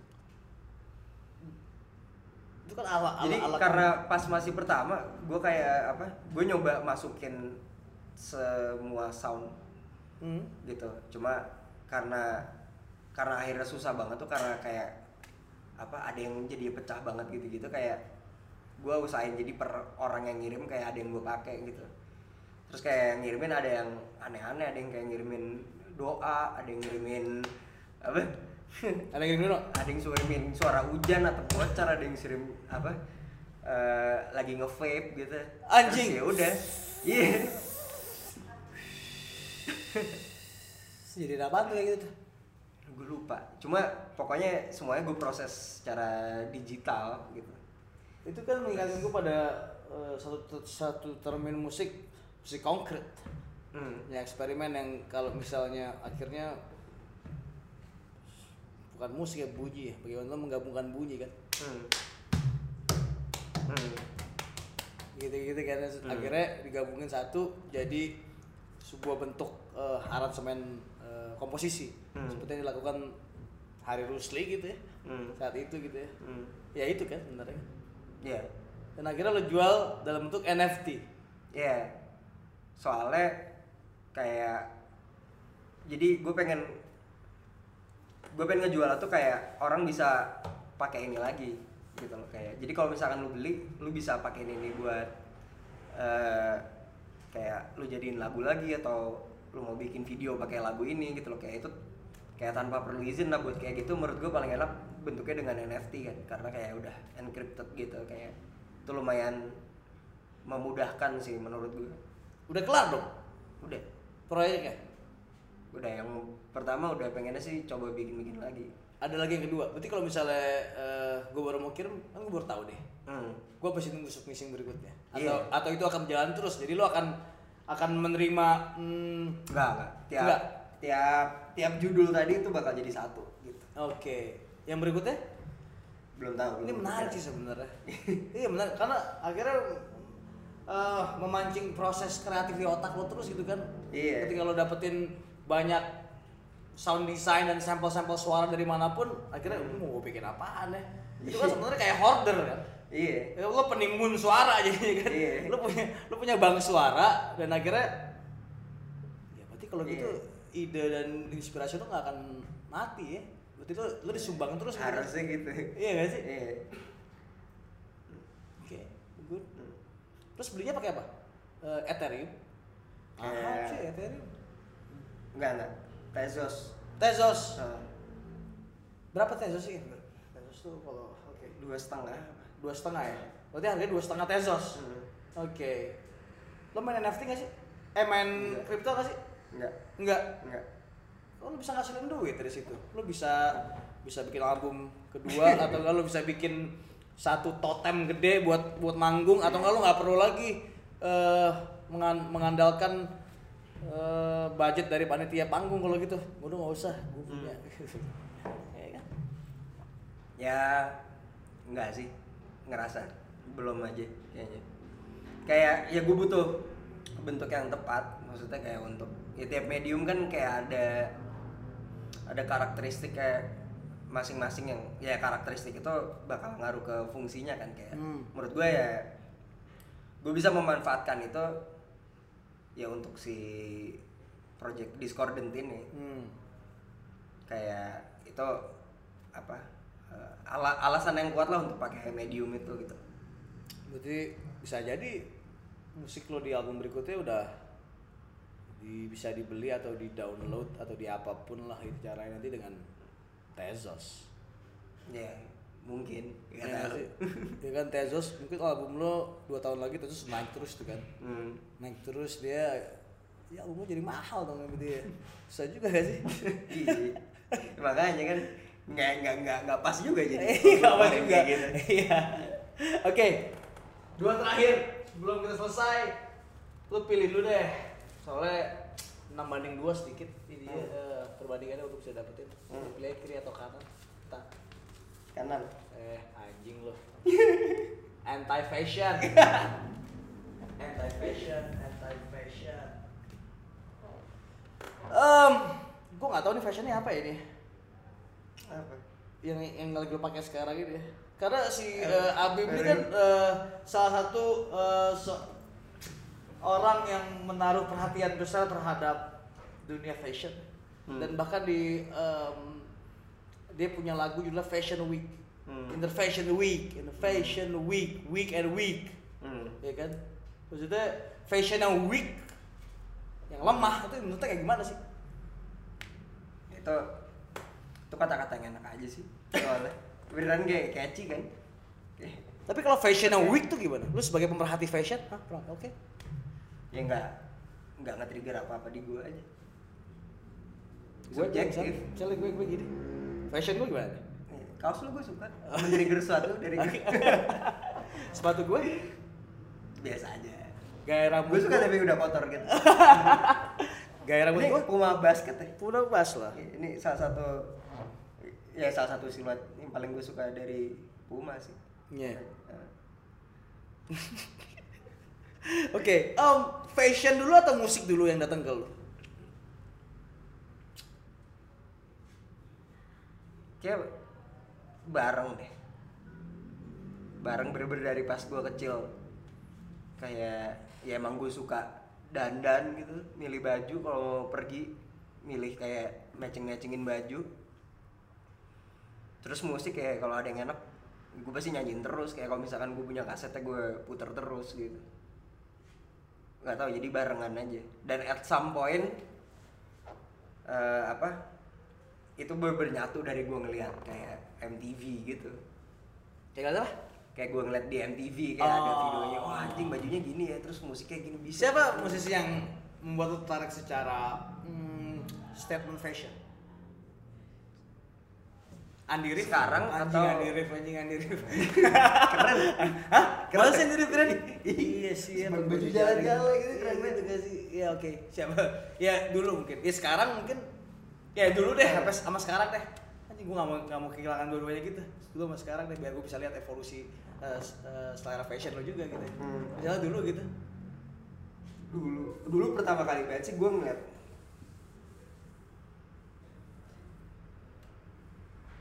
Linkin Park sih pasti kayak itu musik yang pertama bener-bener secara sadar kayak gue nemuin sendiri terus anjing ini keren ya gitu loh. Dan fashionnya juga?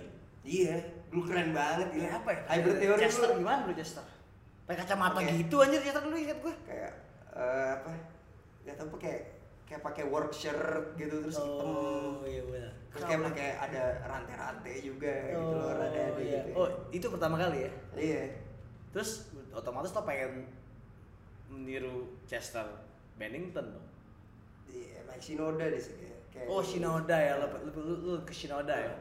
Dulu gue liat paper cut tapi si Chester pakai celana plate gitu Mhm. kotak-kotak tuh itu kayak anjing ini celananya keren banget gitu terus dari cari- situ mungkin kayak gue kayak terus kayak ya bertahun-tahun ke depannya kayak gue tahu saya dictionaries terus kayak anjing emang keren ya pantas gue suka gitu loh Oke. lu lu maksudnya sampai sekarang pasti kan selera, selera terhadap suatu kayak fashion atau misalnya ya musik, film gitu kan itu kan berkembang juga gitu ya. hmm. Lo masih menganggap itu keren atau sekarang lo punya eh, eh, eh, role model baru gitu atau gimana atau atau ya sekarang kita bicara selera fashion dulu lah. yang gue sadarin ya kayak ya walaupun mungkin gue sekarang kayak gak bakal setelan kayak Just- Linkin Park atau Blink gitu loh Itu yang gue maksud. Ta- tapi kayak pasti ada dari situ yang jadi gue suka sesuatu kayak gue telusurin tuh gue sukanya kenapa bagian apanya detail detail detailnya gitu kayak dan yang bener-bener gue suka itu yang coba gue preserve gitu loh kayak oh gue sukanya tuh karena ini gitu loh. Ya kayak karena eh, apa ya kayak pas gue nemuin kayak si dictionaries gitu loh kayak ya itu secara ini lebih keren gitu loh dibanding Chester waktu itu. Cuma kayak emang oh emang kotak-kotaknya ini something ya buat gue gitu loh. Dan kayak ya udah. Mungkin di waktu depan lagi kayak ternyata bukan kotak-kotaknya nih tapi ada sesuatu lagi di balik Dari itu. Chester. Ah. Oh Dari- gitu. Jadi stomping ground adalah Chester. hmm. Tapi bisa bisa lo bisa lo kulik beda-beda ya gitu misalnya. Iya, Misalnya kayak kayak- rambutnya gitu atau Ah. Kayak- Tatoknya nah, gitu. gue persifnya juga gitu kayak apa kayak gue nggak langsung sukanin kan hmm. kayak ya tapi gue akhirnya end up ke situ gitu loh kayak dan itu lumayan nge-cover banyak yang gue suka gitu kayak ya karena gue coba nelusurin itu. Gue yakin pasti dari Linkin Park dulu itu. Kayak kalau misalkan gue tuh telusurin secara bertahun-tahun. Nah gue percayanya kalau gue berhasil nemuin bener-bener esensi dari semuanya itu itu itulah kayak true self gue tuh ada di situ. Dan itu yang mesti gue kasih gitu loh. Makanya kayak ya udah emang masih berubah-berubah gitu. Seberapa jauh keinginan lo ingin tampil berbeda? Seberapa besar maksudnya gue maksudnya ya fashion sebuah statement ya. Eh, bahwa gue bisa jadi gue pengen pemilihan fashion itu pasti lo karena ingin tampil berbeda gitu kan. Apakah eh, itu juga yang menyetir lo untuk memilih eh, selera eh, fashion lo rambut dan segala macem gitu? Iya, mungkin di awal-awal gue kayak di masa-masa sekolah gitu kayak dorongan untuk beda bener-bener simple kayak ah, yang penting beda gitu itu kayak gede. Cuma kayak makin ke sini tuh sebenarnya kayak gue sadar itu tuh sebenarnya gue longing ke true self itu hmm. kayak ke eh, apa kayak gue nggak puas aja ternyata sama sama ya misalkan kayak gue pakai celana kayak Chester nih gitu loh yang kotak-kotak itu. Ternyata ini kok gue nggak puas 100% nih kalau misalkan gue ternyata puas 100% sama ini kenapa gue mau pakai apa eh, kenapa gue suka sama Rick Owens celana Hmm. crotch gitu loh Hmm. misalkan kayak nah gue mencoba kayak untuk bener-bener 100% nya itu kayak karena harusnya kalau misalkan emang ada nih celana yang 100% gitu loh kayak gue nggak butuh Rick Owens gue nggak butuh celana kotak-kotak gue nggak butuh apa pun kayak ya udah itu dia gitu loh eh don't bet ya Oke. Ya, tapi ya struggle di situ nggak sih? Iya, gimana lo cara mencari baju-baju ini sih? Maksudnya eh, apakah lo ke pasar baru? Atau lo sering buka e-commerce? Atau lo pergi ke mall? Cari yang murah gue nyari. Murah ya kayak ya kayak thrift shop di ya? Instagram gitu. Iya, iya, ya, gitu, gimana? Gue nggak ya. mungkin beli baju jutaan gitu nggak mungkin. Makanya main Iya. kripto kan gue bilang mungkin lo bisa kali kalau main kripto ya kan? Iya. iya kali ya. Bisa nggak tahu juga sih kalau kita bego-bego juga sih kayak malah malah ang- ang- angus semua sih kan. Beli- Hmm. dari mana dapat dari dari apa maksudnya? Dari dapat gitu. Nemu aja. Nggak mesti mahal berarti kan? Ya thrifting. Enggak, ya yang gue sanggup aja. Ya Oke. thrifting gimana? Kalau baju band seberapa suka lo sama baju band? hah? Gue nggak pernah nyari. Serius lo? Nggak pernah tertarik untuk pakai baju band? Pas zaman SMP sih ada kayak dulu dulu ada toko apa sih? Gazelle itu. Mm-mm. kayak ada kayak ya cuma gue paling cuma bisa beli satu setelah berapa na- nabung berapa lama gitu. Laham juga ya sebenarnya. Iya. Ya nggak sih? Tapi ternyata kayak gue nggak eh, apa nggak sih bukan masalah bandnya sih. Tapi masalah kayak emang bener-bener secara visual aja gitu loh. Itu sebagai eh, apa itu pleasing gue apa enggak gitu loh. Dan visual tekstur maksudnya kayak bahan gitu loh kayak iya Oke. Berapa paling banyak lo menghabiskan uang untuk mendandani diri lo? maksudnya satu item kayak satu satu setengah gitu gue beli apa ya Sepatu? Enggak. enggak enggak Celana. enggak jas gitu kayaknya Apa? jas Jas? Eh, Satu setengah juta jas sih eh, normal lah. iya Iya nggak sih? iya kalau gue beli asli kayak 15 juta 20 gitu Dapat di mana lo? Instagram nemu Oh, Instagram. Kasih tahu akun andalan lo dong. Oh, banyak cuy Banyak ya? banyak banget gue udah account sendiri buat emang khusus ya karena banyak yang gue follow kan kalau misalkan nyampur sama TBIQ 15 ribet ah, sama ini pertanyaan gua ada tuh. Topeng. hmm. Nah, topeng yang lo pakai kan lo suka di album ini Iya. ada ada lo pakai topeng itu itu itu, itu gimana desainnya itu? Eh, dari siapa dan apa idenya sih sebenarnya dari topeng itu? dari itu yang bikin eh, Pinky Girl Hmm. itu Manda Ah, seniman baru Pinky Girl, Iya. istrinya Istri Chan Chan. Haram. gue gue mesen itu udah lama even sebelum bikin album gitu emang gue suka aja emang dia bikin bikin topeng gitu kan emang kayak apa ya artisan gitu kali. Hmm, alasan topeng ya. Iya, terus kayak ya udah gue pesen buat dia aja emang kayak niatnya mau buat perform. Buat kayak emang gimana ya?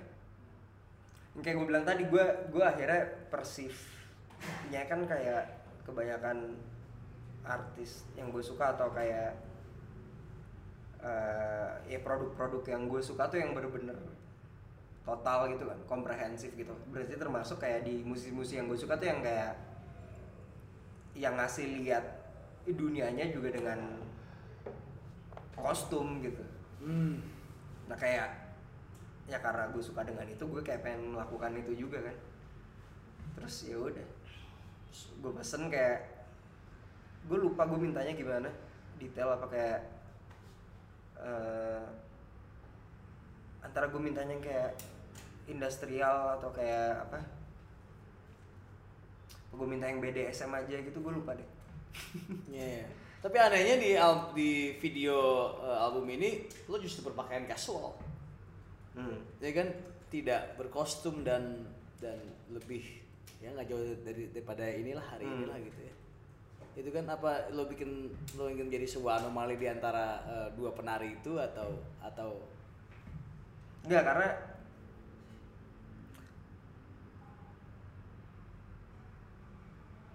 emang apa ya?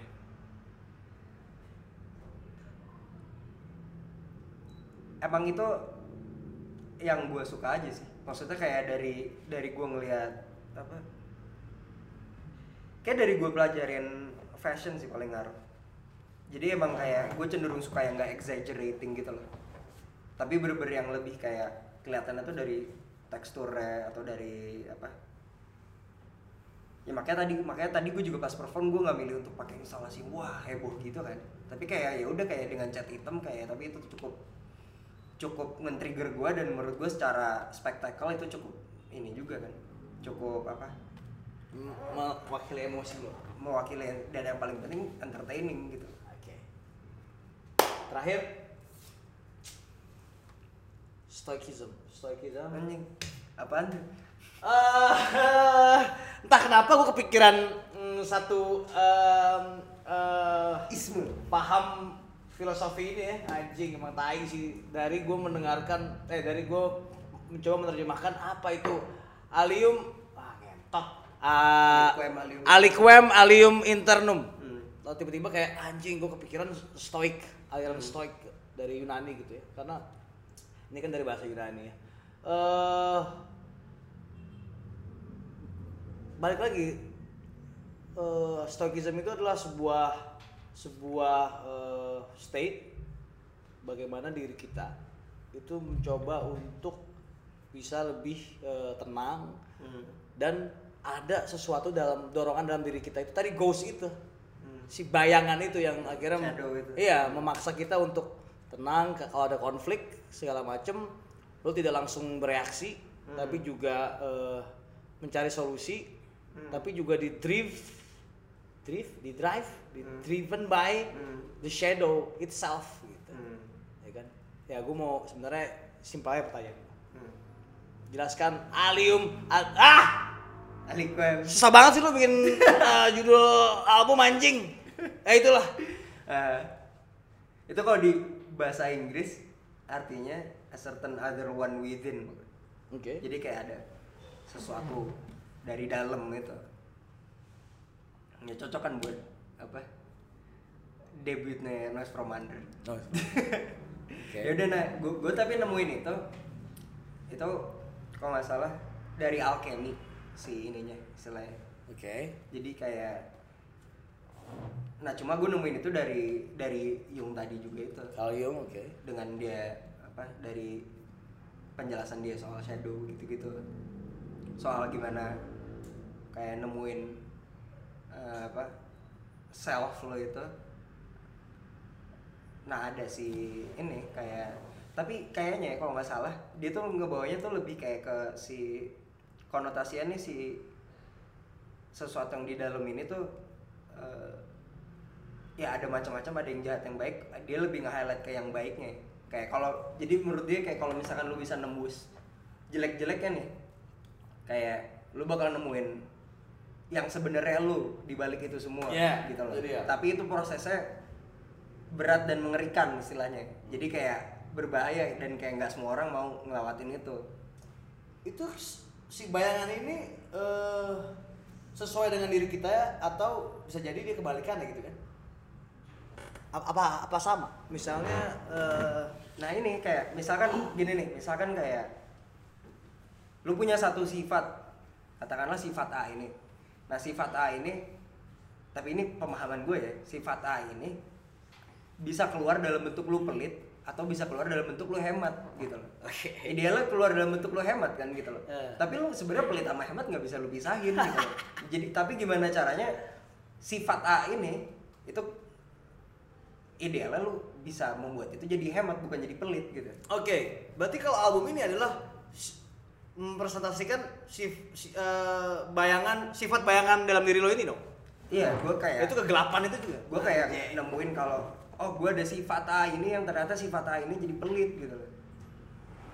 Kayak gue ternyata gue punya itu dan kayak oh ya udah gue nggak bakal Kalau dalam konteks album ini, maksudnya dalam konteks album ini bayangan lu udah menemukan seperti apa sifat dari bayangan diri lo sendiri dalam melalui album ini kan? gue ngerasa gue udah ketemu kayak oh kalau ada sisi buruk ini nih Pa- tapi masalahnya proses itu nggak bakal kelar Oke. jadi kayak lu bakal selalu nemuin lagi kayak bahkan yang lu kira tadinya kayak sifat lu kayak gitu di masa depan nanti mungkin jangan Bisa sebenarnya nggak kayak gitu gitu Oke. Itu tadi berarti balik lagi ya. Eh, berevolusi berkembang semuanya. Hmm. Oke, thank you Bim. Udah meladeni eh, bacotan gue dan eh, pertanyaan gue yang Iya. eh, mungkin terlalu panjang tapi cuek aja lah ya.